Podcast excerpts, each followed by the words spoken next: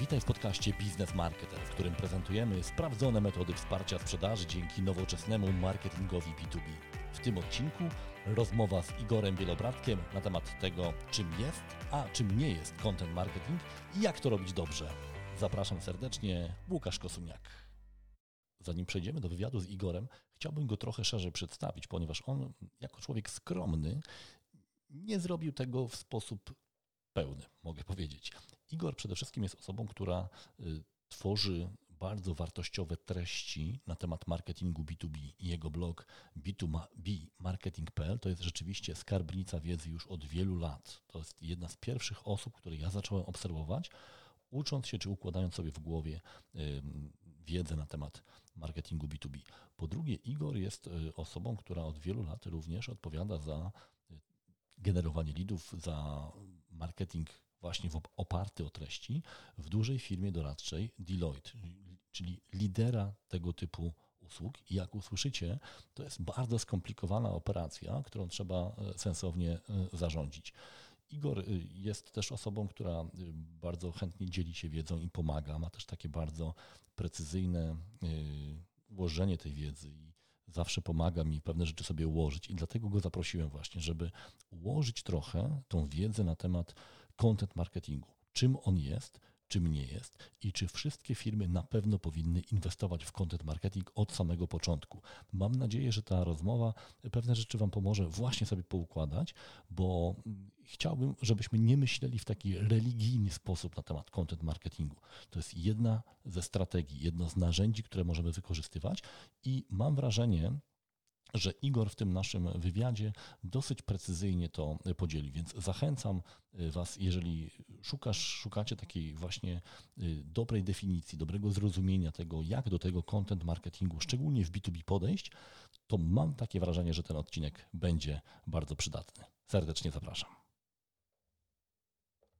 Moi drodzy, dziś gość, którego już wcześniej zapowiadałem, Igor Bielobradek, człowiek, którego pewnie znają wszyscy, y, którzy zajmują się marketingiem B2B na poważnie. Y, chyba jeden z pierwszych twórców w ogóle bloga, bloga na temat marketingu B2B. Na pewno dla mnie to był pierwszy twórca bloga i pierwsza treść, pierwsze treści w języku polskim, które znalazłem i które były naprawdę wartościowe. I dziś będziemy rozmawiać o, y, o kontencie, ale nie tylko o content marketingu. Generalnie chciałbym, żebyśmy wreszcie dokonali tego porządnego rozróżnienia na treści wsparcia sprzedaży, treści sprzedażowe i content marketing. I myślę, że nie ma lepszego kandydata niż Igor na wytłumaczenie nam tej różnicy. Natomiast chciałbym zacząć, Igor, od tego, żebyś powiedział, jak ty się w ogóle znalazłeś w marketingu? Skąd się wziąłeś w marketingu? Gdzie, gdzie były twoje pierwsze kroki, jeśli chodzi o działania marketingowe? E, e, po pierwsze, dzięki bardzo za, za zaproszenie i wytrwałość, bo Łukasz mnie długo ścigał, e, żeby zaprosić mnie do tego podcastu, więc naprawdę bardzo dziękuję, że, że to zrobiłeś. A skąd, skąd ja się wziąłem? No, ja się wziąłem jakby moja droga jest z jednej strony dość prosta, bo ja po prostu skończyłem zarządzanie i marketing na e, Uniwersytecie Warszawskim jeszcze w poprzednim wieku. I, e, no i po prostu jakby z racji swojego wykształcenia zająłem się marketingiem. Natomiast tak jak sięgam pamięcią e, do tego, czego mnie uczono e, na tym, e, na tym właśnie rzeczonym Wydziale Zarządzania, no to to był taki bardzo klasyczny marketing. No to po prostu to był wałkowanie kotlera w jedną i w drugą stronę, 4P marketingu i to było takie podejście, no teraz to sobie uświadamiam, ale bardzo nastawione na marketing B2C tak się jakoś położy, po, potoczyły moje e, e, role, e, moje drogi karierowe, że właściwie od początku pracowałem w firmach nastawionych na B2B. Mm, na początku to był Volkswagen Bank, potem były firmy konsultingowe, teraz pracuję w Deloitte i ja pamiętam tak na początku swojej pracy, ja pamiętam frustrację związaną z, mm, z tym co robię i właściwie czego nie umiem, bo ja miałem taką przemożną, y, przemożne przeświadczenie braku y, kompetencji. To znaczy, to, z czym się zajmowałem, miało się nijak do tego, czego mnie uczono y, na Wydziale Zarządzania i Marketingu. Tak? I nawet doszło do tego, że poważnie myślałem o tym, żeby zmienić swoją pracę. Zrobiłem certyfikat audytora systemów IT i myślałem w ogóle, żeby przestać się tym marketingiem zajmować, bo ja generalnie nie rozumiem, co ja robię i po co ja to robię. E, przydał Ci się kiedyś ten, ten certyfikat audytora serwisów IT? Wiesz co, przydał mi się o tyle, że e, teraz zajmuję się też wdrażaniem systemów związanych z, z marketingiem. One przetwarzają dane, więc ja jestem w stanie się dogadać e, z IT i z dostawcami na temat bezpieczeństwa tych systemów, no więc trochę mi się przydał. tak. Czyli takie ogólne zrozumienie y, też y, w tej branży, no bo teraz y, będziemy o tym mówili, ale też dosyć dużo masz do czynienia po prostu z systemami IT, tak? Nie, nie da się w zasadzie nie mieć no tak. do czynienia z tymi systemami. Ale pamiętam na, gdzieś tam na początku lat 2000 wpadła mi w ręce książka Briana Carola, która się nazywa Lead Generation for Complex Sale i to dla mnie było objawienie. Ja wreszcie przeczytałem coś, e, co jakby pokazało mi, że nie jestem jakimś dziwakiem, e, który próbuje coś zrobić i nie za bardzo wie jak, tylko Brian był pierwszym takim autorem, e, który, który pokazał, że no, że, że, po prostu dział, marketing B2B to jest troszeczkę inne zwierzę i udało mi się pierwszy raz zrozumieć, jak to może czy powinno działać. Drugim takim momentem Ewangelii, Ewangelii to było um, znalezienie gdzieś w sieci Joe Pulicji, który jeszcze wtedy nie, e, nie był szefem Content Marketing Institute. On wcześniej próbował E, założyć jakąś e, agencję marketingową, ale on e, ukuł i czy sam siebie nazywa ojcem chrzestnym content marketingu, on po prostu wymyślił to, tą nazwę, czy też potrafił ją jakoś scharakteryzować jako konkretne podejście do działań marketingowych. Oczywiście samego content marketingu Joe nie wymyślił, to jest podejście duże. Czego nie było na świecie wtedy. Tak, tak, tak. Zresztą jego, jego podcast, którego słucham namiętnie, This Old Marketing, właśnie nawiązuje do tego, że właściwie nic nowego nie wymyślono, to jest podejście, które od dziesiątków, a może nawet ponad setki lat funkcjonuje. Ale to był drugi taki moment, kiedy ja powiedziałem, o rany, no faktycznie, bo tak się, y, tak się faktycznie e, e, ułożyło, że ja głównie pracowałem w firmach doradczych e, i charakterystyką tych firm doradczych jest to, że one nie mają jasno określonego produktu. To zazwyczaj nie są rzeczy pudełkowe, tylko to jest coś, co się wykuwa w rozmowie z potencjalnym klientem. Tak, tak. Ale to było drugie takie moje podejście, y, objawienie i no tak, faktycznie, przecież to, czym ja się zajmuję, to jest dokładnie content marketing. To jest, no tak, przecież my edukujemy tych naszych przyszłych, przyszłych, przyszłych klientów, i to było drugie taki przebłysk i zrozumienie tego, co ja tu robię i po co, i, i, i po, co to je, po, i po co ja jestem. I to, ta, ta euforia, czy to objawienie trwało wiele lat um, i skończyło się pewnego rodzaju kryzysem tożsamości. Mianowicie e, ja zacząłem wątpić po raz kolejny w to, co e, robię, i zdałem sobie sprawę, że content marketing z jednej strony jest odmieniany przez wszystkie przypadki, przez wszystkich, ale z drugiej strony też to pojęcie trochę zatraciło znaczenie, bo właściwie wszystko jest content marketingiem. Każdy content w marketingu, tak? Tak, tak każdy content w marketingu to jest content marketing. Mhm. I sam zacząłem wątpić, czy ja się gdzieś nie zagalopowałem, czy my wszyscy marketerzy się mhm. E, nie, nie zagalopowaliśmy w tym wszystkim i że no tak, content ma sprzedawać, więc dlaczego content marketing nie sprzedaje? I tutaj zaczęły się rozmowy, dyskusje sam ze sobą, z moimi kolegami, z moimi przełożonymi, o co w tym tak naprawdę chodzi. E, no i jakby doszedłem do takiego punktu, e, w którym w końcu puknąłem się w głowę i stwierdziłem, że to jest trochę nieporozumienie. To znaczy, to jest mieszanie dwóch porządków e, marketingowych, czy dwóch porządków prawnych, i content marketing to jest pewna zupełnie osobna dyscyplina, która polega na pewnego rodzaju wykorzystania treści w marketingu, ale to nie znaczy, że wszystkie treści w marketingu to jest content marketing. I myślę, że. Okej, okay. zróbmy, zróbmy, tutaj na chwilę pauzę, bo nie chcę, żebyś od razu zdradzał nam tajemnicę dzisiejszego odcinka. Mhm. E, to jeszcze chciałem Cię dopytać o to, ty poznałeś Joe, Joe tak? Byłeś, jesteś chyba jedynym Polakiem, którego ja znam, który brał udział w konferencji Content Marketing World, tak? I to nie, nie jako uczestnik, tylko jako jeden z prelegentów. Tak, udało mi się. słowa na temat tej przygody. Tak, udało mi się zrobić, e, dokonać tego dwukrotnie. Raz byłem w 2016 roku prelegentem i w zeszłym roku też byłem prelegentem na Content Marketing World.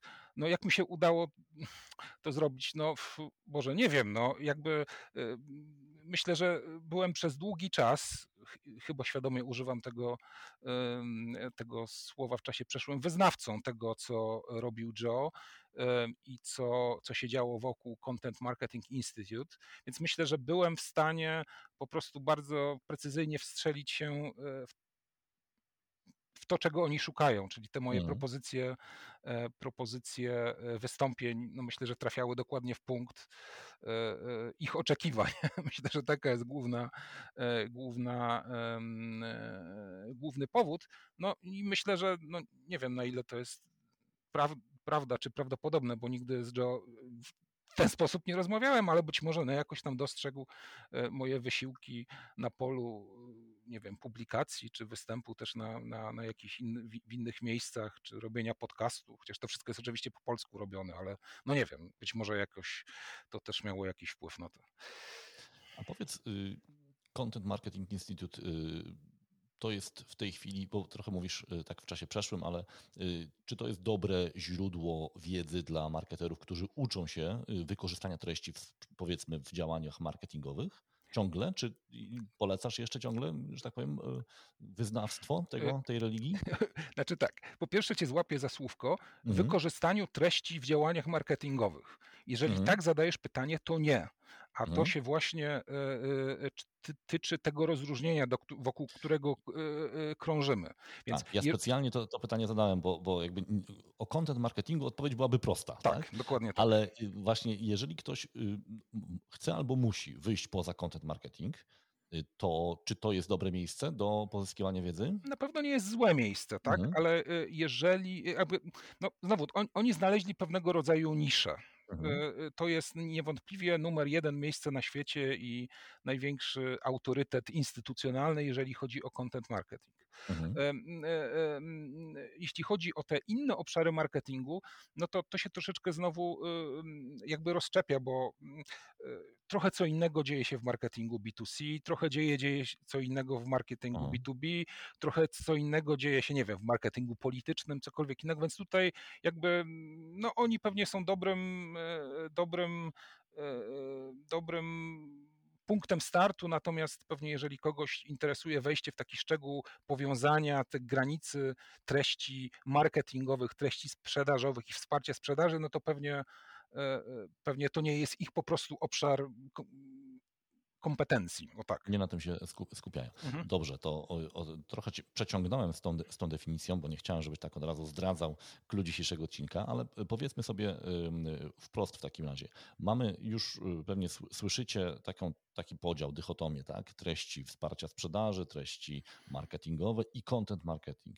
I no, nasza teza, którą będziemy udowadniali, jest taka, że to nie jest to samo. I to nie jest jakaś akademicka różnica ta różnica jest na tyle praktyczna i na tyle istotna dla marketera, że może przesądzić o y, sukcesie albo porażce projektu, albo wręcz można powiedzieć kawałka kariery marketera, jeżeli y, zaczniemy mieszać te dwa porządki. To Igor, zrób taki jak najprostsze y, rozróżnienie. Czym się różni content marketing od wykorzystania treści w działaniach marketingowych i sprzedażowych?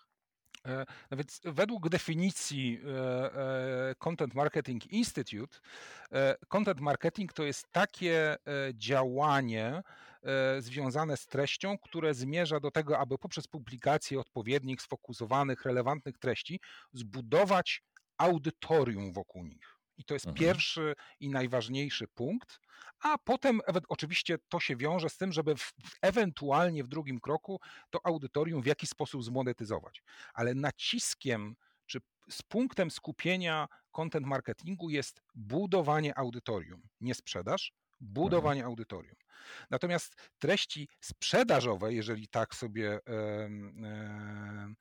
ten zbiór e, nazwiemy, no to są te treści, które są bezpośrednio związane z procesem sprzedaży, przez który dłuższy, krótszy, taki czy siaki kupujący musi odbyć, no, aby po prostu dokonać, do, dokonać finalizacji transakcji.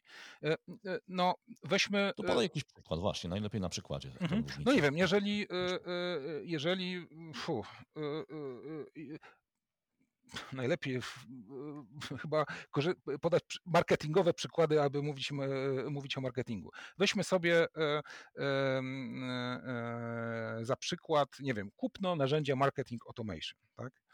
E, I, Czy jakiegokolwiek innego systemu. Albo jakiegokolwiek innego systemu, tak. tak. Mhm. Więc treści sprzedażowe to są wszystkie te treści, te wszystkie informacje, które, my, które są niezbędne do tego, aby podjąć, uzasadnić lub przeprowadzić e, e, proces zakupu. Mówię z punktu widzenia kupującego. Tak. Czyli mhm. po pierwsze muszę wiedzieć, ile to kosztuje, muszę wiedzieć, e, nie wiem, w jaki sposób przetwarzane są dane, muszę mieć, w związku z tym muszę pozyskać jakieś informacje, żeby, nie wiem, do działu prawnego prze, przekazać. Muszę wiedzieć, ile to kosztuje, jak to jest rozliczane od licencji, głowy, wielkości bazy, muszę to przekazać do działu finansowego. Muszę wiedzieć, co mi to da, tak? jakie są oszczędności, jaki problem mi to rozwiąże, przekazuję to odpowiedniemu swojemu partnerowi biznesowemu. Ale to są pewne kroki, które mają jakby skończony horyzont czasowy. Jakby ja je mhm. muszę wykonać, żeby kupić, następuje magiczny moment. No tak, no, to, no dobra, no to mhm. ten dyrektor finansowy wie. jakieś tak, wsparcia zakupowego, tak? Można wtedy tam proponować. No tak, ale jakby ten proces jest skończony, tak? Natomiast content marketing moim zdaniem ma niewiele lub wręcz nic z, wspólnego z samym procesem zakupu. On może być nawet zupełnie na inny temat. Tak?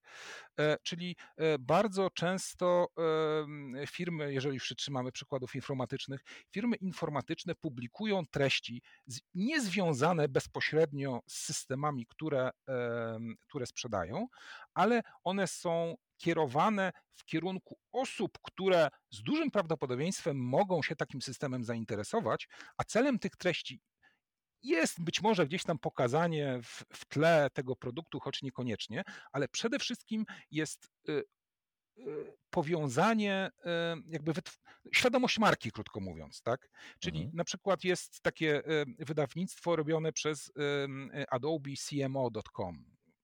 E, to jest wydawnictwo, tak. które jest skierowane, to jest po prostu skarbnica e, e, wiedzy czy wiedzy, wiedzy edukacyjnej skierowanych do szefów marketingu.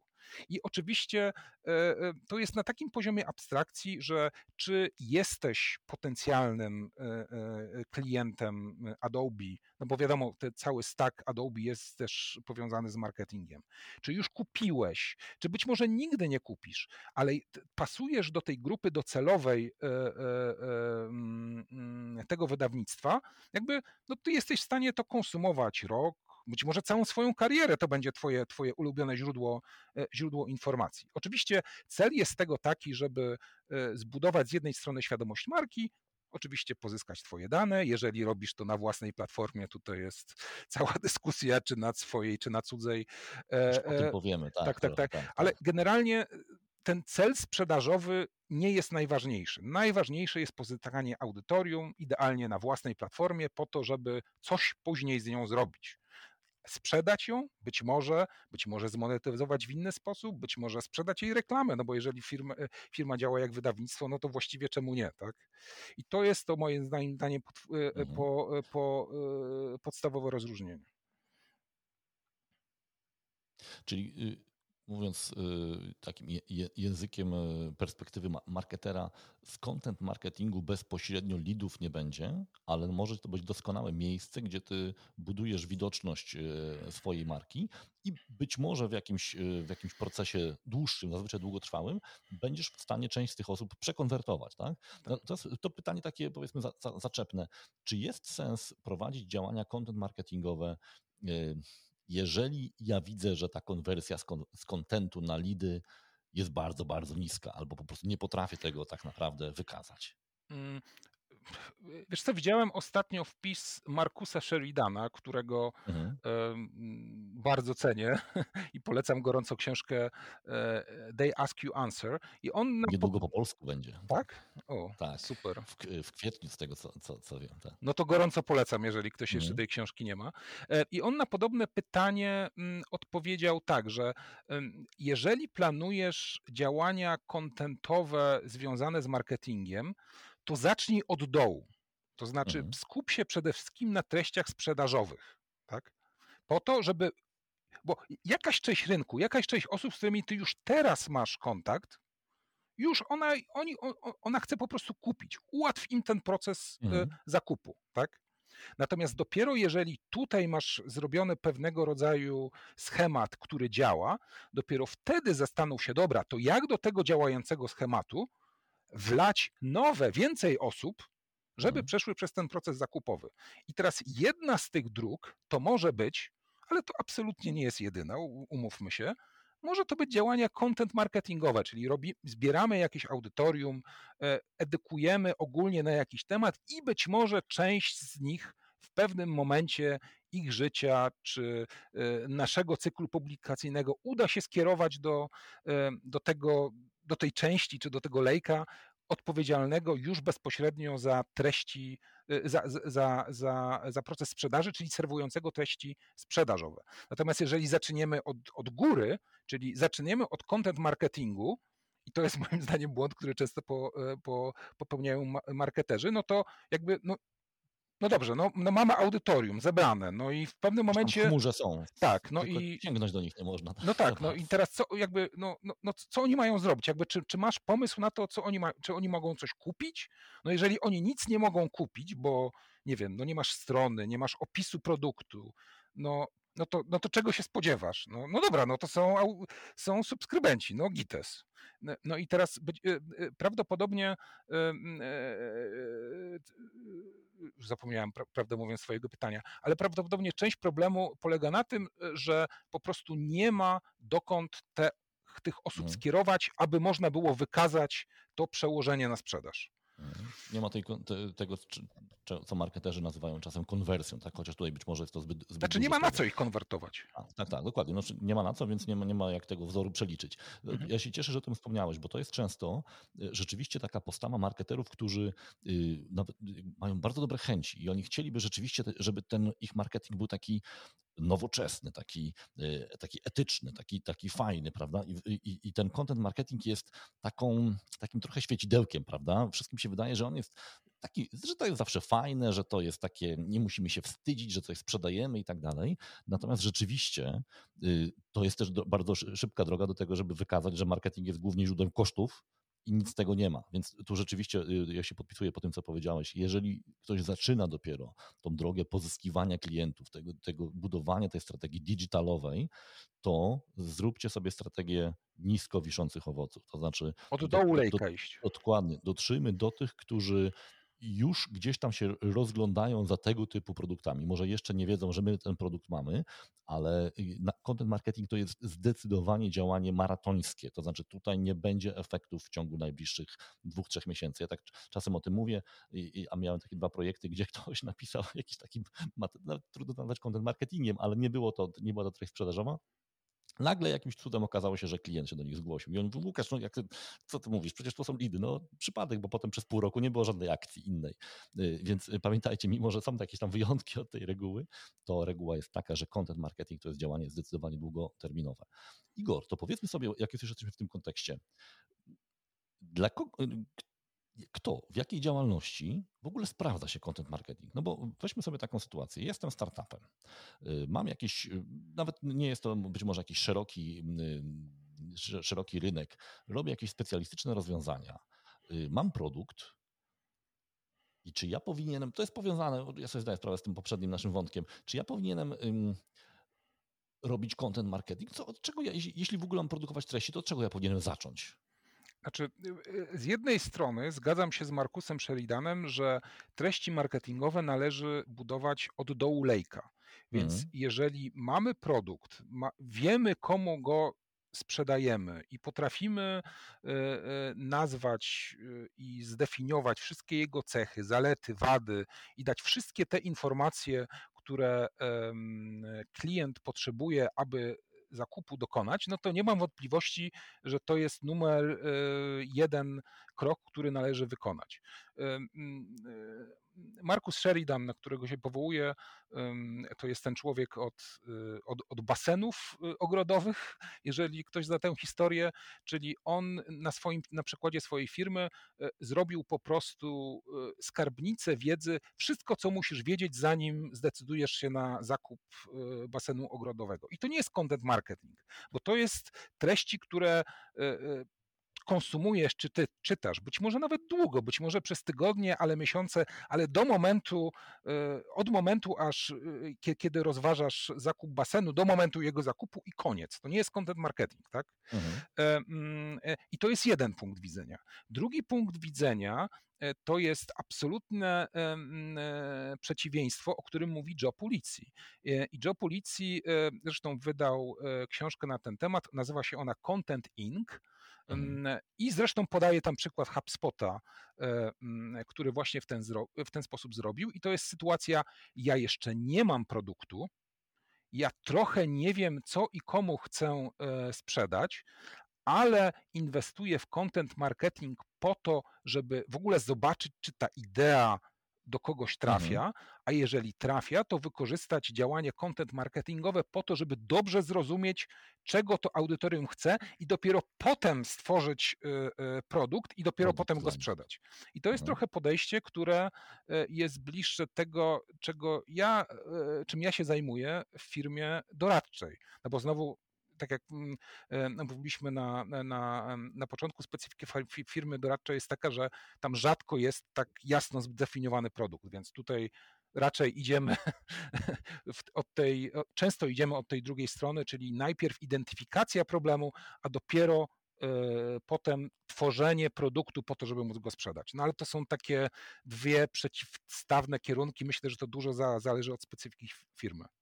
Mhm. Chociaż one, wiesz, y, wydaje mi się, że y, y, tutaj nie, to przeciwieństwo nie jest takie całkowite, bo tu mamy dwa, dwie sytuacje, tak? Że tam, gdzie produkt jest zdefiniowany, ale jeszcze nie jest znany, moim zdaniem warto się po prostu skupić na dobrych treściach wsparcia sprzedaży tak? czyli mhm. podejście Markusa Sheridana. W sytuacji, kiedy produktu albo jeszcze nie ma, albo nigdy go nie będzie i tak naprawdę my chcemy przyciągnąć klienta bardziej do marki, do postrzegania nas jako nie wiem, kompetentnego partnera, doradcy i tak dalej, ten content marketing w zasadzie jest niezbędny, bo nie ma produktu, o którym możemy rozmawiać, prawda? Znaczy możemy rozmawiać o case'ach, tak, że u tego klienta tak. zrobiliśmy to i tak pomogliśmy i tak dalej, ale de facto na końcu to i tak jest rozmowa o rozwiązywaniu problemów, o, o nas jako, jako ekspertach, więc być może to oczywiście jest pewne uproszczenie, bo wiadomo, że jeszcze między tymi dwoma mm, biegunami jest całe spektrum mieszanki. Na przykład software house'y tak mają, prawda, że mają jakieś produkty, ale mają też kompetencje, które wynajmują, sprzedają, a jeszcze mają ludzi, których sprzedają i tak dalej, i tak dalej. Więc tu oczywiście trzeba te, te, te, te wszystkie płcienie też wziąć pod uwagę ale myślę, że można taką, taki model przedstawić, tak? Czy tam, gdzie produkt jest zdefiniowany, jest konkretny, wiadomo, że on, że to jest, nie wiem, rozwiązanie do pomiaru czegoś tam bardzo precyzyjnie i tak dalej, i to jest dla wiem, specjalistów gdzieś tam w jakiejś tam branży. Nie mamy na ten temat kontentu, to warto jest po prostu przysiąść, zebrać pytania, przeanalizować, porozmawiać z handlowcami, z ekspertami i rzeczywiście ten kontent sprzedażowy wypuścić, a potem poszerzać ewentualnie grupę odbiorców, edukując ich, bo być może ludzie nawet nie wiedzą, że taki problem można rozwiązać, a tam, gdzie te usługi są niezdefiniowane, gdzie produktu pewnie nigdy nie będzie, content marketing być może jest skuteczniejszym rozwiązaniem, bo on nie zmusza nas do myślenia o produkcie e, cały, cały czas. Chociaż ja sobie zdaję sprawę, że to jest pewien uproszczony model, że tutaj tak. na pewno znajdzie się cała masa wyjątków od tego, tak, ale tak. staram się zostawić jakiś taki y, przynajmniej no, dwa tory myślenia, żebyśmy sobie mogli w tym, w tym y, obszarze się y, przemieszczać. Igor, to powiedz w takim razie, e, skoro content marketing nie jest nastawiony na jakiś performance, to jak oceniać te działania? No bo wiesz, no, ktoś cię zatrudnia, ktoś ci płaci. Właśnie, z czego ty jesteś rozliczany? Możesz powiedzieć, jak, jak jest rozliczana twoja praca? No, Oczywiście ogólnie. E, no, no, nie mów o tych milionach, które zarabiasz tylko. tylko. No, no, moja praca jest rozliczana głównie z e, grupy docelowej. To znaczy, mhm. ponieważ e, ja głównie zajmuję się, znaczy krążę wokół content marketingu, no to e, a produkt jest właśnie słabo zdefiniowany, no więc trudno mnie rozliczać e, za sprzedaż, no bo w sumie nawet trudno powiedzieć, czego sprzedaż, no to to, za co można mnie rozliczać i za co domagam się, by mnie rozliczać, to jest, czy udało nam się zebrać osoby, e, czy firmy, czy w ogóle audytorium, które jest potencjalnie rokujące. Tak? Mhm. I, I tutaj w, naszej, w mojej pracy głównie posługujemy się no, no, pewnymi grupami czytelników, tak? Dla różnych obszarów doradztwa są to oczywiście różne osoby, różnie tam posegmentowane, ale y, generalnie za każdym e, e, programem content marketingowym stoi cel dotarcia do, do, do, do, do jasno określonej grupy y, docelowej i jest to cel z jednej strony jakościowy, czyli kto oraz ilościowy, ile osób, z jakich firm, o jakiej demografii i tak dalej. Jakim to współczynnikiem można mierzyć? Czym to odwiedzalnością, subskrypcją? Subskrypcją, tak. To znaczy, mhm. Jeszcze o jednym aspekcie mm, content marketingu nie powiedzieliśmy, bo z jednej strony to jest budowanie audytorium, ale mm, fakt, że content marketing może e, prowadzić do budowania własnego audytorium w sensie własnych danych, jest również często akcją czy komunikacją dwukierunkową, o czym mhm. wielu marketerów wydaje mi się zapomina. I to całe dobrodziejstwo internetu to nie tylko polega na tym, że możemy teraz łatwo wysyłać informacje, ale możemy też te informacje pobierać z powrotem, tak? Zdecydowanie. E, więc e, mm, e, zgubiłem wątek. Jeszcze raz, jakie było pytanie? Ja, zapyta, zapytałem o te, o te, właśnie o te współczynniki, czyli tak, okay, czy o tym, że ta, ta, subskrypcja jest, jest, jest taka tak, bardzo tak, ważna? Tak, tak, właśnie. No i teraz dlaczego subskrypcja, czyli własne dane są istotne? Ponieważ jeżeli posiadasz własne dane, E, to możesz do, każdego, do każdej z tej osób, czy do firmy, jakkolwiek to nie zdefiniujesz, e, możesz e, dołączyć historię interakcji, takiej mhm. pasywnej, czym się on interesuje, co klika i tak dalej. To jest często podkreślane przez dostawców, przez dostawców marketing automation, aczkolwiek uważam, że to jest dość słaba poszlaka. Fakt, że ktoś otworzył jakąś stronę, no jest fajne, ale umówmy się, to nie jest jakiś silny sygnał, że to znaczy, że on coś chce kupić. No, to znaczy być może zabłądził gdzieś, tak? Bardzo często to jest nadużywane, to też e, tak. od razu też albo, zwrócę waszą uwagę, że, tak, albo że nie, nie, można się sugerować jakimś pojedynczym ruchem, że ktoś tak. pobrał e-book, bo, bo, to może być bardzo irytujące, a na pewno jest nieskuteczne po tak. prostu. E, natomiast e, Znowu podkreślam, pod warunkiem, jeżeli posiadamy te dane, możemy robić różnego rodzaju akcje i, i, i, ruchy polegające po prostu na zadawaniu pytań. I to na mhm. zadawaniu pytań w sposób masowy, korzystając z kanałów marketingowych. I to jest z jednej strony pozwala na tak sobie to nazywam, silną e, identyfikację tego, co się u klienta dzieje, bo mu po prostu bezpośrednio zadajemy pytanie. Hmm. Kochany, a... w jaki sposób, jak technicznie zadajesz takie pytania? Jakie macie pomysły na takie właśnie zadawanie pytań? No, Jakbyś mógł powiedzieć ze dwa, trzy takie scenariusze. Znaczy, wszelkiego, e, e, znaczy na pewno numer jeden, numer jeden to są obecnie, szczególnie w dobie pandemii, to są po prostu webinary. Webinary, Web, tak. webinary to jest narzędzie, które z jednej strony pozwala dość efektywnie się komunikować, w sensie ekonomicznie, bo to jest mhm. jeden do kilkuset, a czasem nawet kilku tysięcy osób, e, a z drugiej strony można e, po prostu tym ludziom zadać pytanie, tak? Czy y, jaki jest Państwa największy problem, czy macie Państwo problem z tamtym, czy to już jest załatwione. No to jest po prostu kopalnia wiedzy i, i o ile uda nam się to przyporządkować do osoby i do firmy, no to jest po prostu skarbnica wiedzy. I to jest zazwyczaj... Świetna segmentacja później, tak? tak? Z tego jest. I, i, I, to jest, y, I to jest oczywiście y, obszar, za który zazwyczaj odpowiedzialni są sprzedawcy, no bo to w takim klasycznym B2B to sprzedawca, taki doradca idzie do klienta i tam rozmawia, co u pana słychać, a może coś takiego, a może i, i, i to, jest, to jest jego rola i to jest y, z jednej strony ok, ale z drugiej strony słabość, y, jakby marketing ma tutaj dwie przewagi y, nad sprzedawcą. Po pierwsze może to zrobić w sposób masowy, no bo z iloma osobami sprzedawca zagada, z dziesięcioma w tygodniowo, z dwudziestoma. E, mhm. Robiąc jedną dużą akcję marketingową można obskoczyć kilkaset albo kilka tysięcy osób nawet. A po drugie, piętą achilles, achillesową sprzedawców jest zapisanie tych danych. Tak? To znaczy, nawet jeżeli sprzedawca rzeczywiście pełni taką rolę osoby, która próbuje dowiedzieć się, co u, klienta piszczy, to nawet jeżeli on się dowiedział, to jeszcze daleka droga od tego, żeby to się znalazło w odpowiednim systemie, na przykład w CRM-ie, a jeszcze daleka droga, żeby to było tak, w taki sposób uporządkowane, żeby można było to znaleźć i, i tak dalej. Natomiast Jakoś analizować. Tak. natomiast y, jakby zrobienie tego, oprzyrządowanie tego od strony marketingowej jakby no, pozwala rozwiązać, czy ułatwia także ten proces, bo po prostu eliminujemy ten opór ludzki, nie wiem jak go tak. nazwać, tak? Czyli no nie musimy ścigać iluś tam osób, żeby łaskawie wpisali, uzupełnili i tak dalej.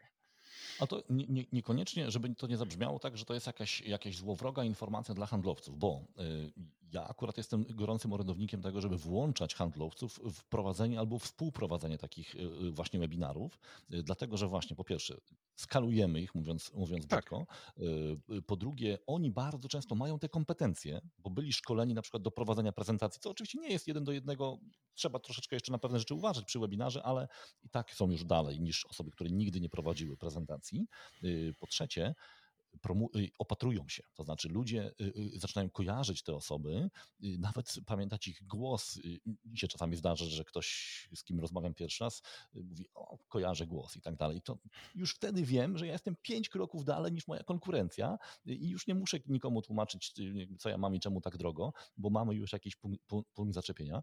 Więc tutaj rozdzielmy sobie na metodę marketingową, czyli jeden do wielu, ale tym, tą osobą czy tą zespołem, który może być dostawcą treści, zdecydowanie może i nawet często powinny być też działy sprzedaży, bo, Oczywiście, bo to jest tak. narzędzie sprzedaży po prostu, tak mówiąc krótko. Znaczy, to, y, to pewnie w różnych firmach różnie wygląda, czasem to są dzia, mhm. dzia, działy sprzedaży, czasem to są jacyś eksperci. Menedżerowie, tak. tak, z, tak, to pewnie zależy od firmy, ale no, mhm. pewnie rzadko jest to marketing per se, tak? To, to tak, marketing tak, jest tą funkcją, która to organizuje i umożliwia zazwyczaj. Dokładnie, skaluje, promuje mhm. i tak dalej, i tak dalej, i tak dalej. A to, to powiedzmy w takim razie, y, Igor, powiedziałeś, że bo wy korzystacie z webinarów, tak? Dosyć intensywnie, o mhm. wiem. Y, I, I jaki, jaki wy y, macie jakąś taką strategię chociażby promocji tych webinarów? Jak wy promujecie te, te poza tym, no może powiedz mi tak, powiedz mi o skali. Ile takich webinarów robicie, nie wiem, w miesiącu i ile osób, jeżeli możesz powiedzieć, w nich uczestniczy, tak, żebyśmy mieli, z kim my mamy do czynienia w ogóle. Znaczy, no, teraz to już jest absolutne szaleństwo, bo y, y, chyba przez te ostatnie miesiące y, już całość komunikacji przeszła mhm. do sfery wirtualnej. Tak. No i teraz ta skala jest jakaś obezwładniająca i to są nawet dwa webinary dziennie. Więc mhm. w skali miesiąca to jest naprawdę kilkadziesiąt, kilkadziesiąt. różnego rodzaju spotkań. E, no, jeśli chodzi o ich liczebność, no to znowu bardzo zależy, tak? bo są tematy, mhm. które są szalenie popularne i dotyczą wszystkich, mhm. a są tematy super niszowe, niszowe, które dotyczą, nie wiem, niewielkiej liczby przedsiębiorstw, bo po prostu ich jest mało, tak? Więc to jest od kilkudziesięciu, ale do kilku tysięcy osób nawet na takim webinarze. Jasne.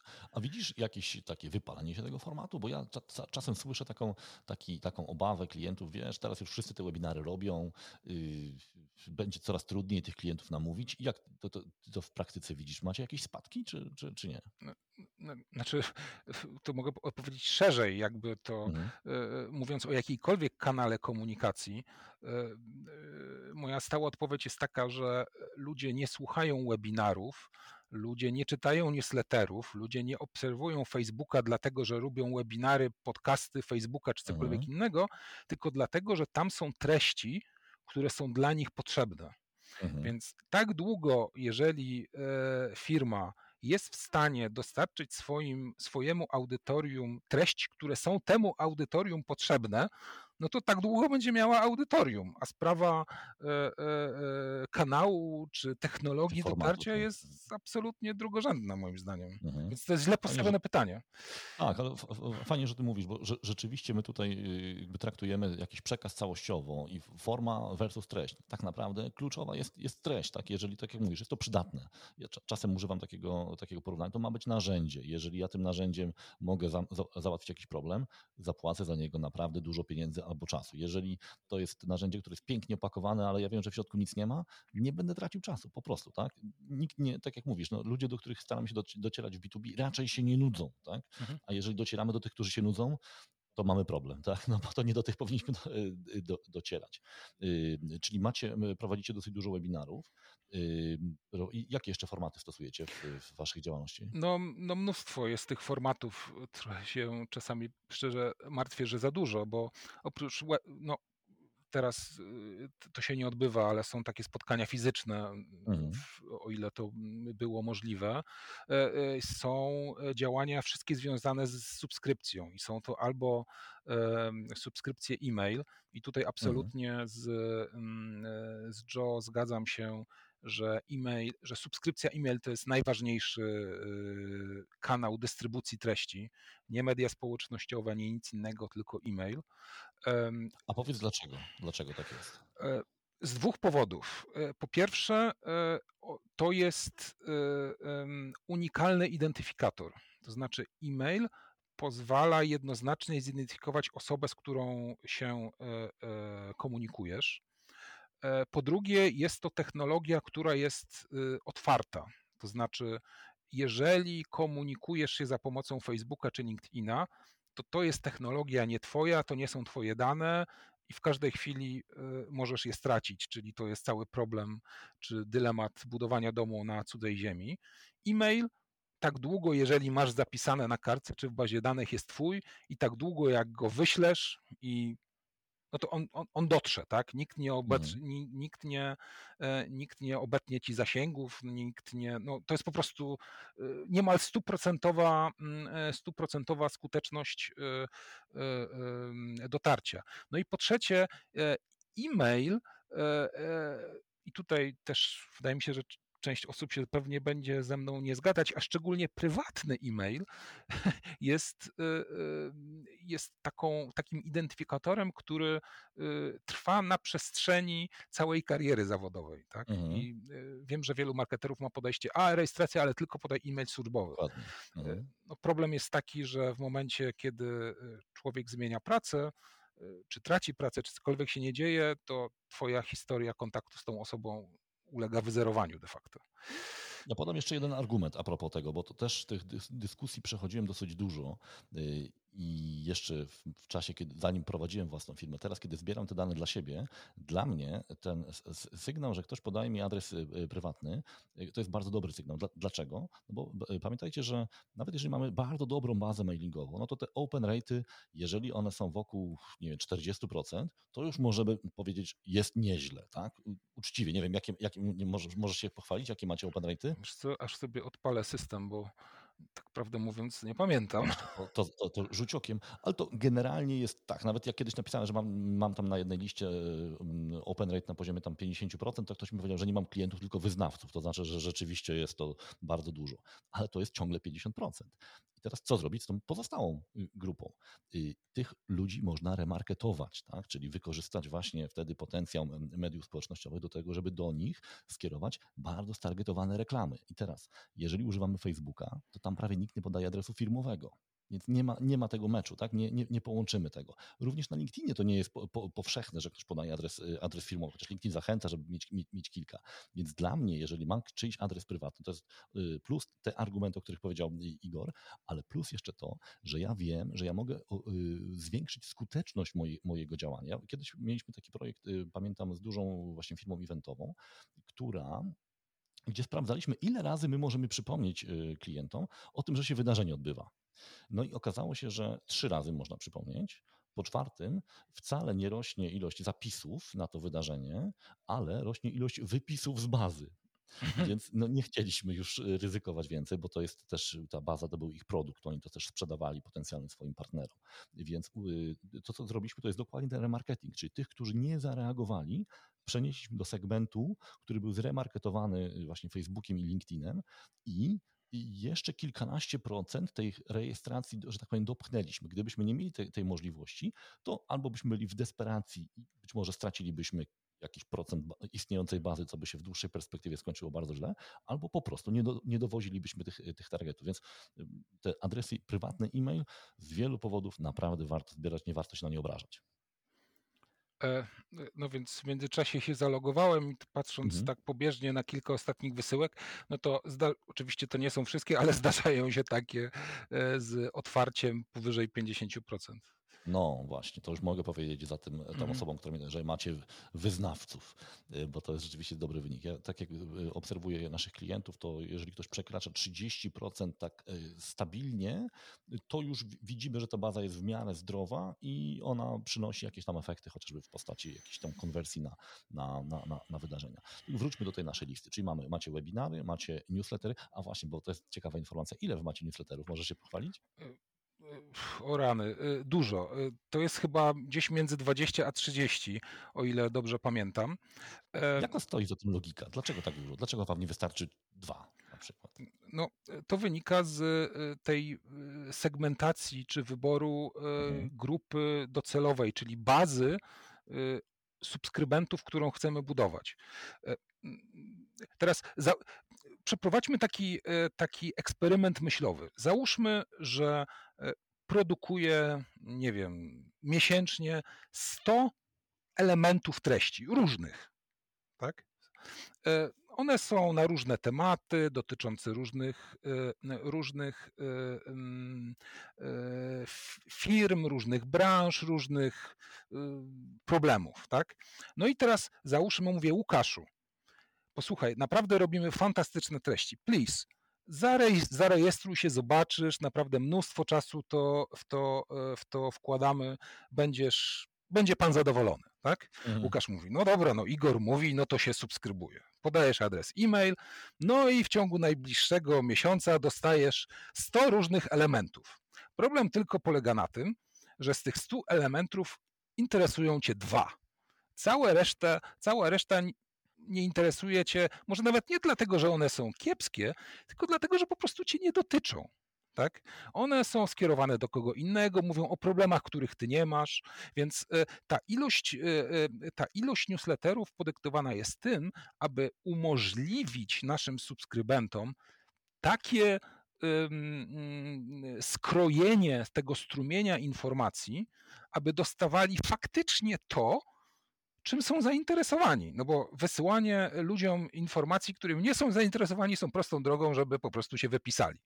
Więc To jest sytuacja zero-jedynkowa, prawda? Bo jeżeli mamy jeden newsletter Mhm. i w nim się znajdzie powiedzmy 70% nieistotnych informacji, Mhm. no to, to po prostu mamy zero, bo za chwilę ktoś się po prostu wypisze, Dokładnie. czyli nie ma żadnej możliwości dotarcia. Mhm. Y, W przypadku, kiedy tych newsletterów jest więcej, nawet jeżeli no powiedzmy, że skala nie jest tak duża, jakby to była skala jednego newslettera, no to tak naprawdę nie mamy tego ryzyka, bo ktoś y, Mhm. y, jakby trafi na to, co go interesuje.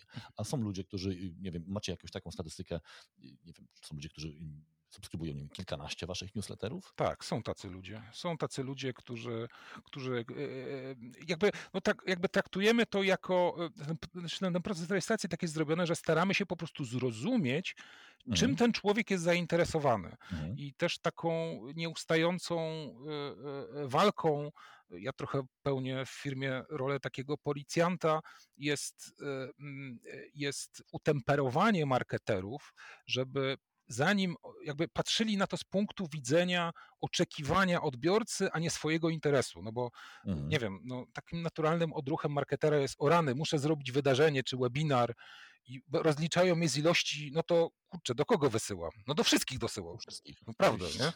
No więc e, e, e, jakby no mamy cały proces dochodzenia do konsensusu, do kogo należy na przykład zaproszenie na webinar wysłać i jakby głównym założeniem jest taki, że punktem, celem tego jest nie maksymalizacja wysyłki i nawet kosztem tego, że mniej tych osób na ten rzeczony webinar się zapisze, ale przede wszystkim spełnienie oczekiwań subskrybenta, tak? Jakby ja taka jest moja rola w firmie, że ja próbuję pokazać tą perspektywę i no chyba jakoś udaje mi się póki co. Super. To wiesz, to chciałem jeszcze, że- żebyśmy porozmawiali o, dwu, o dwóch rzeczach. O procesie planowania. Mhm. Gdybyś mógł, w- wiadomo, że to można i godzinami rozmawiać, ale gdybyś mógł podpowiedzieć, pokazać, jak ten proces u Was działa i co z tego, z tych y, rzeczy, które robicie, Twoim zdaniem można zreplikować? To znaczy, gdzie, gdzie jest, gdzie, czy to jest tylko dla dużych organizacji, no bo nie oszukujmy się, wy jednak macie dosyć dużo zasobów, y, jesteście dużą firmą po prostu, nas słuchają statystycznie na pewno naj, najwięcej osób z, z, z, małych firm. To jest to, jest, to, jest to, to co mnie interesuje. I, i, I, na koniec poproszę Cię też, też o takie, taką jakby poradę, jeżeli ktoś pojawia się w firmie w ogóle po raz pierwszy i, i wie, że to jest dobry pomysł, żeby tymi treściami zacząć grać, to od czego można zacząć? Ale, bo to są dwa pytania powiązane. Być może łatwiej Ci będzie na nie odpowiadać, mając je dwa, już oba w mhm. głowie. Jak wy, jak wy, jaki macie proces planowania? Gdzie, gdzie zaczyna się, nie wiem, powiedzmy myślenie o webinarze, o temacie webinaru? Czy, czy to w ogóle jest myślenie o formacie, czy raczej o przekazie? Jak, jak do tego podchodzicie? Myślę, że na początku e, tego procesu, tak biorąc od, e, już sprawę od Adama i Ewy, to jest wymyślenie grupy docelowej i powodu, mhm. dla którego z jednej strony chcemy się z tymi ludźmi kontaktować, a z drugiej strony w czym my możemy tym ludziom faktycznie pomóc, i tworząc jakie treści dać im wartość, tak? I to jest w ogóle długo, e, e, zanim ktokolwiek myśli o webinarze, czy generowaniu, generowaniu leadów, czy cokolwiek innego. To kolega Mark... Poznaj klienta swego pierwsze. Tak, tak. tak. To znaczy, to, to, jest, to być może to jest takie podejście najpierw masa, a potem rzeźba, tak? Czyli najpierw mhm. musisz e, zebrać odpowiednią grupę docelową, zyskać ich zainteresowanie, e, mieć możliwość wypytania, poznania, identyfikować, zidentyfikowania ich problemów i zdobycia też zaufania, że oni jakby odbierają ciebie ciebie jako markę, jako no, źródło wiedzy i kompetencji w tym obszarze. Mhm. I dopiero wtedy można zacząć myśleć, no dobrze, no to my teraz chcemy coś od ciebie. Przyjdź na nasz webinar, przyjdź na nasze wydarzenie, pobierz nasz raport, wypełnij ankietę czy cokolwiek innego, ponieważ ci ludzie jakby, no, jakby nie jesteś dla nich y, y, y, anonimowy. I też z tego punktu widzenia moje doświadczenie jest takie, być może to jest kwestia jakiś mojego braku kompetencji. Nie wykluczam tego, ale nigdy w życiu e, nie udało mi się e, e, doprowadzić do jakiejś sensownej kampanii, na przykład zapraszającej na webinary, tak, że w sensie, że a no dobra, to zróbmy reklamę, zapraszamy na webinar, nie wiem, w mediach społecznościowych, czy, czy, czy, czy, czy, czy z prasą branżową. Zazwyczaj to wszystko miało jakiś taki mizerny rezultat, tak? To znaczy, tak sobie tłumaczę, że docieraliśmy do ludzi, którzy no może byli potencjalnie nawet zainteresowani tematem, ale w ogóle dlaczego jakiś webinar? To w ogóle oni nas nie znali, tak? Mhm. Natomiast dużo lepszym, e, e, e, dużo lepszą skutecznością wydają się, y, y, wydają się skutkować akcje, które są skierowane na budowanie audytorium. Czyli najpierw zobacz, mamy coś dla ciebie, nic nie potrzebujemy. Mamy super newsletter, mamy fajny raport, tak? Tutaj się jakby poznaj nas i dopiero jak ci ludzie y, mają to pierwsze doświadczenie i wtedy im wyślemy, e, e, e, nie wiem, link do właśnie webinara, wypełnienia ankiety, wzięcia udziału w badaniu, no to wtedy jest sprawa zupełnie, zupełnie inna. Nie wiem, jeszcze raz zastrzegam się, być może ja czegoś nie potrafię robić, że tak powiem, w marketingu outboundowym, ale wydaje mi się, że ta kwestia zbudowania zaufania i ta siła budowania zaufania przez content marketing jest tutaj istotna. Myślę, że tu też chodzi o to, że y, bardzo często zapominamy, że udział w webinarze czy wypełnienie ankiet to jest praca, którą klient y, wykonuje. Za tą pracę normalnie się płaci ludziom. Y, więc jeżeli ktoś nie jest przekonany, że on będzie miał z tego jakąś zapłatę, a tylko po prostu widzi reklamę, i, która mówi przyjdź, to posłuchasz o czymś ciekawym, ale nie jestem przekonany, że to będzie coś ciekawego, to po prostu traktujemy to jako jakiś wysiłek, który musimy podjąć. Nie do końca reklama, no gdybym miał widział reklamę na billboardzie przyjdź kopać rowy yy, nad Wisłą, no to być może bym pomyślał, że to może schudnę trochę, no to jest jakiś benefit, który sobie tam wymyśliłem, ale pewnie by mnie plecy, bolały i poza tym nie mam czasu, prawda? Więc też trzeba czasem pamiętać o tym, że dla osób, które nie są przekonane o wartości marki albo wartości, czy marki osobistej, nie wiem, prelegenta, czy o temacie, który jest istotny, sam webinar jest po prostu obciążeniem czasowym. I to dosyć wyraźnie, to jest godzina mhm. średnia, tak?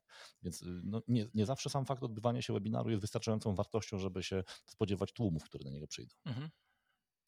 I drugi, i drugi, y, drugi ten człon tego pytania, mm, mamy osobę, która, e, która zaczyna tak? Ktoś został zatrudniony do firmy, gdzie nie było działań marketingowych, firma właśnie jakaś B2B z potencjałem, fajny produkt. Gdzie ty byś zaczął, czego byś zaczął w ogóle tak naprawdę? Jakie były twoje, nie wiem, pierwsze spotkanie, pierwsza decyzja, pierwszy, pierwszy pierwszym tygodniu pracy, czym by się zajął. No dobrze, ale czy mówimy o firmie, która ma, jakby, bo wracamy do początku dyskusji, czy mówimy o firmie, która ma jasno określony produkt? E, Powiedzmy, że tak, tak, okay. żeby tutaj nie, nie za szeroko nie iść. Produkt jest od lat sprzedawany, teraz się go trudno sprzedaje, bo wiadomo, handlowcy nie mogą pojechać do klienta. No i musimy coś wymyśleć. Właśnie jesteś w pierwszy dzień w pracy. Tak? Mhm. No to zdecydowanie pojechałbym w cudzysłowie Sheridanem, tak? Czyli mhm. E, e, e, postarałbym się zrobić wszystko, aby inf, jakby za, zacząć budować treści sprzedażowe związane bezpośrednio z tym produktem, który jest sprzedawany, pokazywaniu wszelkich jego zalet, ale również wad E, e, to jest zresztą ważny punkt, o którym mówi. E, Powiedz dwa słowa. Dlaczego o wadach? Czy to nie jest, wiesz, y, samobiczowanie się? No, to jest.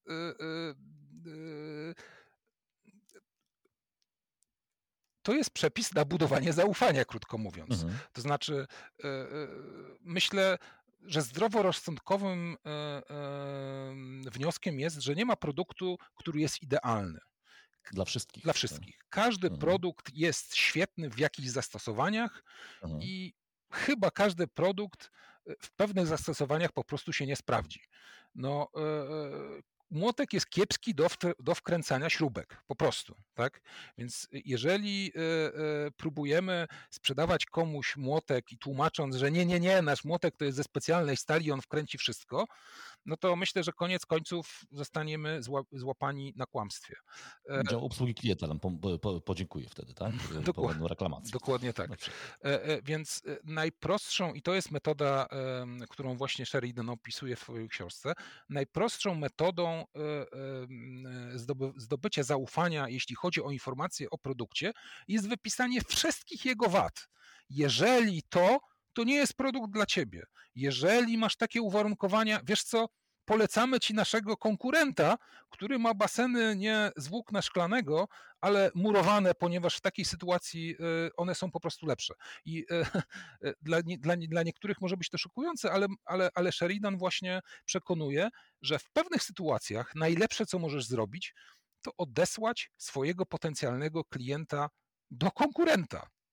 I myślę, że to jest e, tak. krok, który e, może być trudny dla wielu no, marketerów. No, no i drodzy, to jest, oczywiście to się wydaje takie, można powiedzieć, rewolucyjne, obrazoburcze podejście, ale trzeba pamiętać o, o, o, o tym, że treści mają nie tylko rolę edukacyjną, ale też rolę kwalifikacyjną. Tak? Jeżeli ja mogę odsiać klienta na poziomie, y, kiedy on czyta mój artykuł, nie wiem, opis, katalog i tak dalej, i on uznaje, no to nie jest dla mnie produkt, to tak naprawdę ja oszczędzam czas. Ja pamiętam takie, opowiadam często o tych sytuacjach. Mieliśmy takie produkty dosyć trudne w jednym z firm, w których pracowałem, które na pierwszy trochę wyglądały jak proste monitorki, a de facto były bardzo skomplikowanymi rozwiązaniami tam terminalowymi. I zdarzało się, że handlowiec jechał do klienta kilkaset kilometrów, żeby mu o tych terminalach opowiadać, a klient bardzo się dziwił, bo on myślał, że tu chodzi o takie małe monitorki po 350 zł za sztukę. I y, ten człowiek po prostu tracił czas, jadąc cały dzień w jedną i potem wracając w, drugą stronę, więc o wiele lepiej byłoby, gdyby na tej stronie, to też oczywiście był kamyczek do mojego ogródka, że myśmy tego wyraźnie nie napisali. Potem to napisaliśmy. Dla kogo nie jest ten produkt? Jeżeli jesteś małą firmą i nie masz środowiska takiego i takiego, to po prostu nie kupuj Mhm. I, I, też była duża dyskusja, czy, czy, czy powinniśmy to robić. Potem się okazało, że to miało sens, bo po prostu oszczędzaliśmy czas. Więc ten content, wiecie, to, to, to co Igor powiedział, nie jest jakimś takim działaniem charytatywnym. Tu chodzi o oszczędność czasu, o skwalifikowanie klienta tak wcześnie, jak to jest tylko możliwe i tak tanio, jak to jest możliwe, żeby nie obciążać czasu handlowca naszego. Tak? Mhm. A to ma efekt y, uboczny, czy główny, zależy od punktu widzenia taki, no mhm. że po prostu jesteśmy wiarygodnym źródłem informacji. Aha, no, no skoro napisali, że to nie tak, dla tak. mnie, no to okej, okay, no to pewnie to, co obok napisali, też mogę mieć do tego zaufanie, prawda?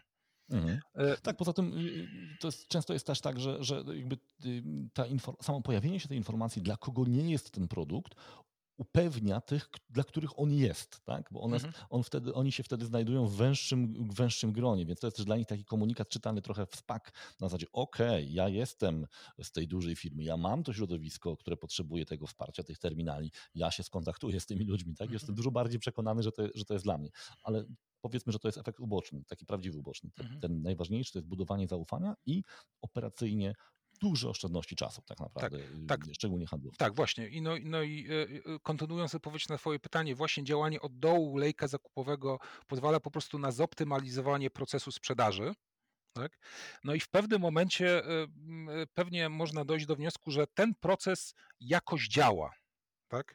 E, e, no, pewnie można go trochę poprawić, ale generalnie ta współpraca na linii marketing, sprzedaż i w ogóle e, przeprocesowanie tych, tych potencjalnych klientów na klientów płacących jest w miarę, w miarę sprawnym, sprawnie działającą maszyną.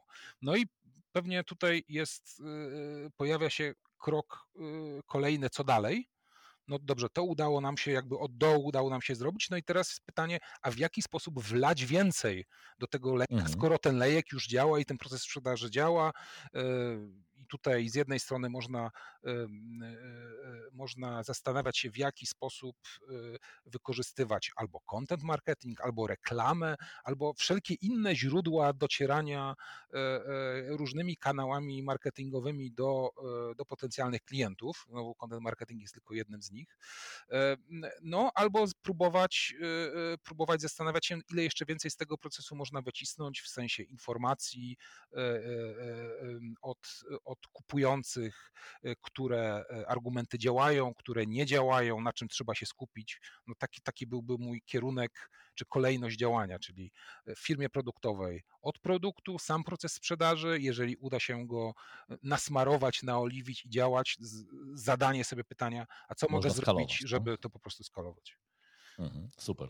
Bardzo, bardzo, y, bardzo fajnie, że tym, tym, tym skończyliśmy, bo zawsze mam takie, takie, takie, przynajmniej tak dążę do tego, żeby ten podcast był trochę użyteczny. Więc jeżeli zaczynasz takie działania, to pamiętaj właśnie o tym, że jest bardzo konkretna metoda, że to, co, co my tutaj, o czym my opowiadamy, nie zostało wymyślone wczoraj i nie są jakieś eksperymenty.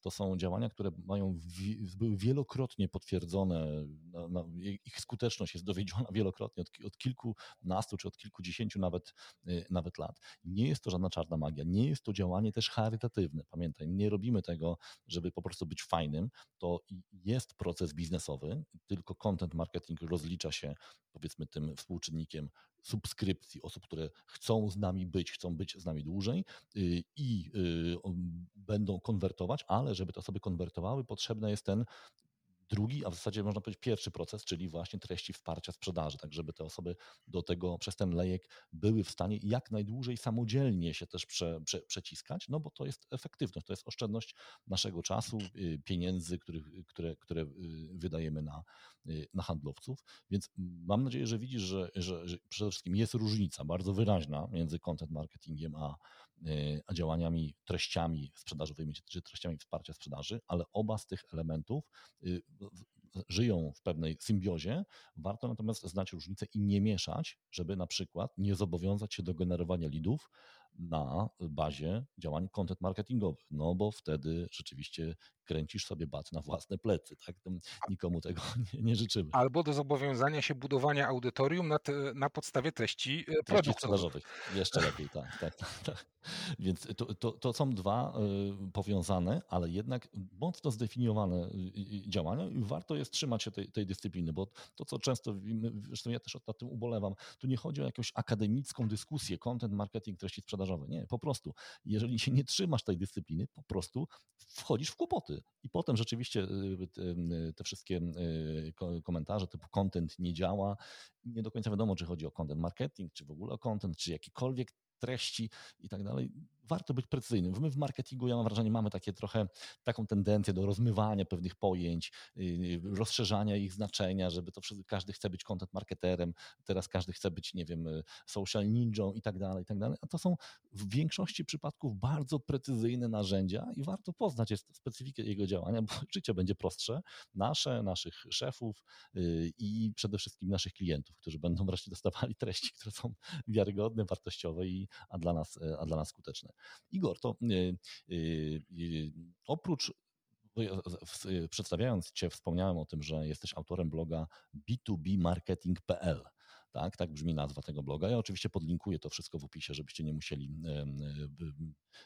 słuchając wpisywać tej nazwy. Jakie ty jeszcze zasoby polecasz Coś nowego się pojawiło, jakieś rzeczy, które, które warto jest y, obserwować, jeśli chodzi o rozwój kompetencji właśnie takiego content marketingowy i tych wsparcia sprzedaży. Powiedziałeś o książce Markusa. Jak brzmi jeszcze, powiedz mi, ta, ta pierwsza książka, która y, tak y, jakby na ciebie wpłynęła? E, pierwsza książka to jest, jest to wszystkie te informacje są na blogu, ale pierwsza mhm. z tych książek, która rzeczywiście pobudziła mnie do rozwoju w tym kierunku, to jest Lead Generation for Complex Sale Briana mhm. Carola. E, jeśli chodzi o książki, to polecam jeszcze od strony content marketingu. To są właściwie wszystkie książki Joe Policji, w tym e, e, ostatnia Killing the Marketing. Killing Marketing. Tak, on nam napisał kilka wcześniej też, też mhm. gorąco polecam. Jeżeli chodzi o, o, o treści sprzedażowe, to moją ulubioną książką jest książka Adarth Albi Holender, nie pamiętam tytułu, też ją znajdzie się na blogu, to jest chyba... No, podlinkujemy też w opisie, tak. Nie, nie pomnę teraz tytułu, nie zapisałem mhm. sobie. Czyli generalnie wchodzicie na blog Igora i tam jest zakładka z e, materiałami dodatkowymi i jeżeli Y, chcecie jakby zrobić sobie, poszerzyć swoją bibliotekę czy obszar obserwacji, to zdecydowanie ja polecam.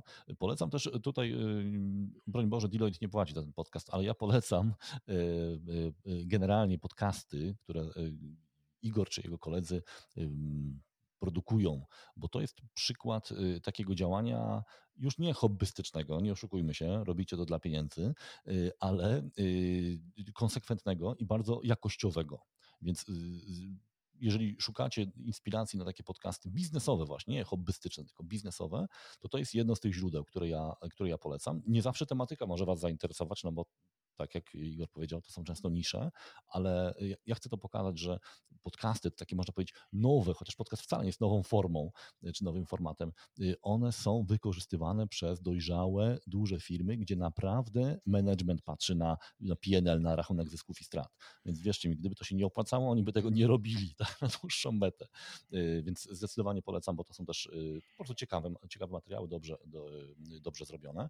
No i jeżeli mówimy o źródłach do polecenia, no to drodzy Państwo, Oczywiście Łukasz Kosuniak, moim zdaniem numer jeden mhm. e, ekspert, jeśli chodzi o marketing B2B w Polsce, więc Wszystkie źródła źródłami w Polsce Łukasz Kosuniak.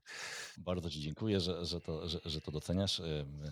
Oczywiście zapraszam jak najbardziej. Tutaj nie, nie kryguję się, słuchajcie, zapraszajcie znajomych. Igor też nagrywa swoje podcasty, więc zachęcam Was do tego. Zresztą Igor był trochę inspiracją do, do tego, żebym ja zaczął nagrywać podcasty. Nie oszukujmy się. Wiele rzeczy podpatrzyłem u Igora, więc to też taki trochę tribut for you, my friend, y, bo, bo, bo, bo w wielu, w wielu miejscach też mnie inspirowałeś.